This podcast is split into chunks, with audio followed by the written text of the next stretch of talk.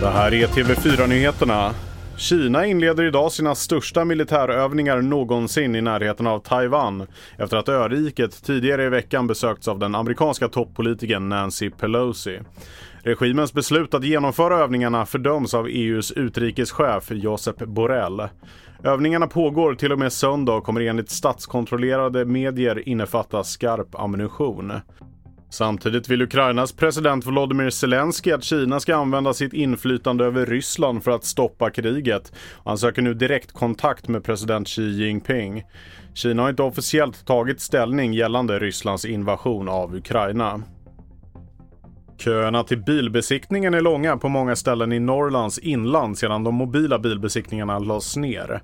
Närmaste besiktningsstation från Arjeplog ligger 10 mil bort och där finns det för närvarande inte några lediga tider. Det är något som ställer till det för brandstationen. Vi har räddningsledare Ulf Lundström.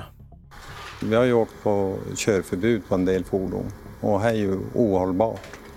Det känns ju inte bra för man vill ju inte skicka iväg personal med fordon som inte är eh, besiktade i ordning. Mer om det här kan du läsa om på tv4.se. Norra Japan har drabbats hårt av kraftiga skyfall. Bilder visar flera mindre samhällen under vatten och broar som har kollapsat.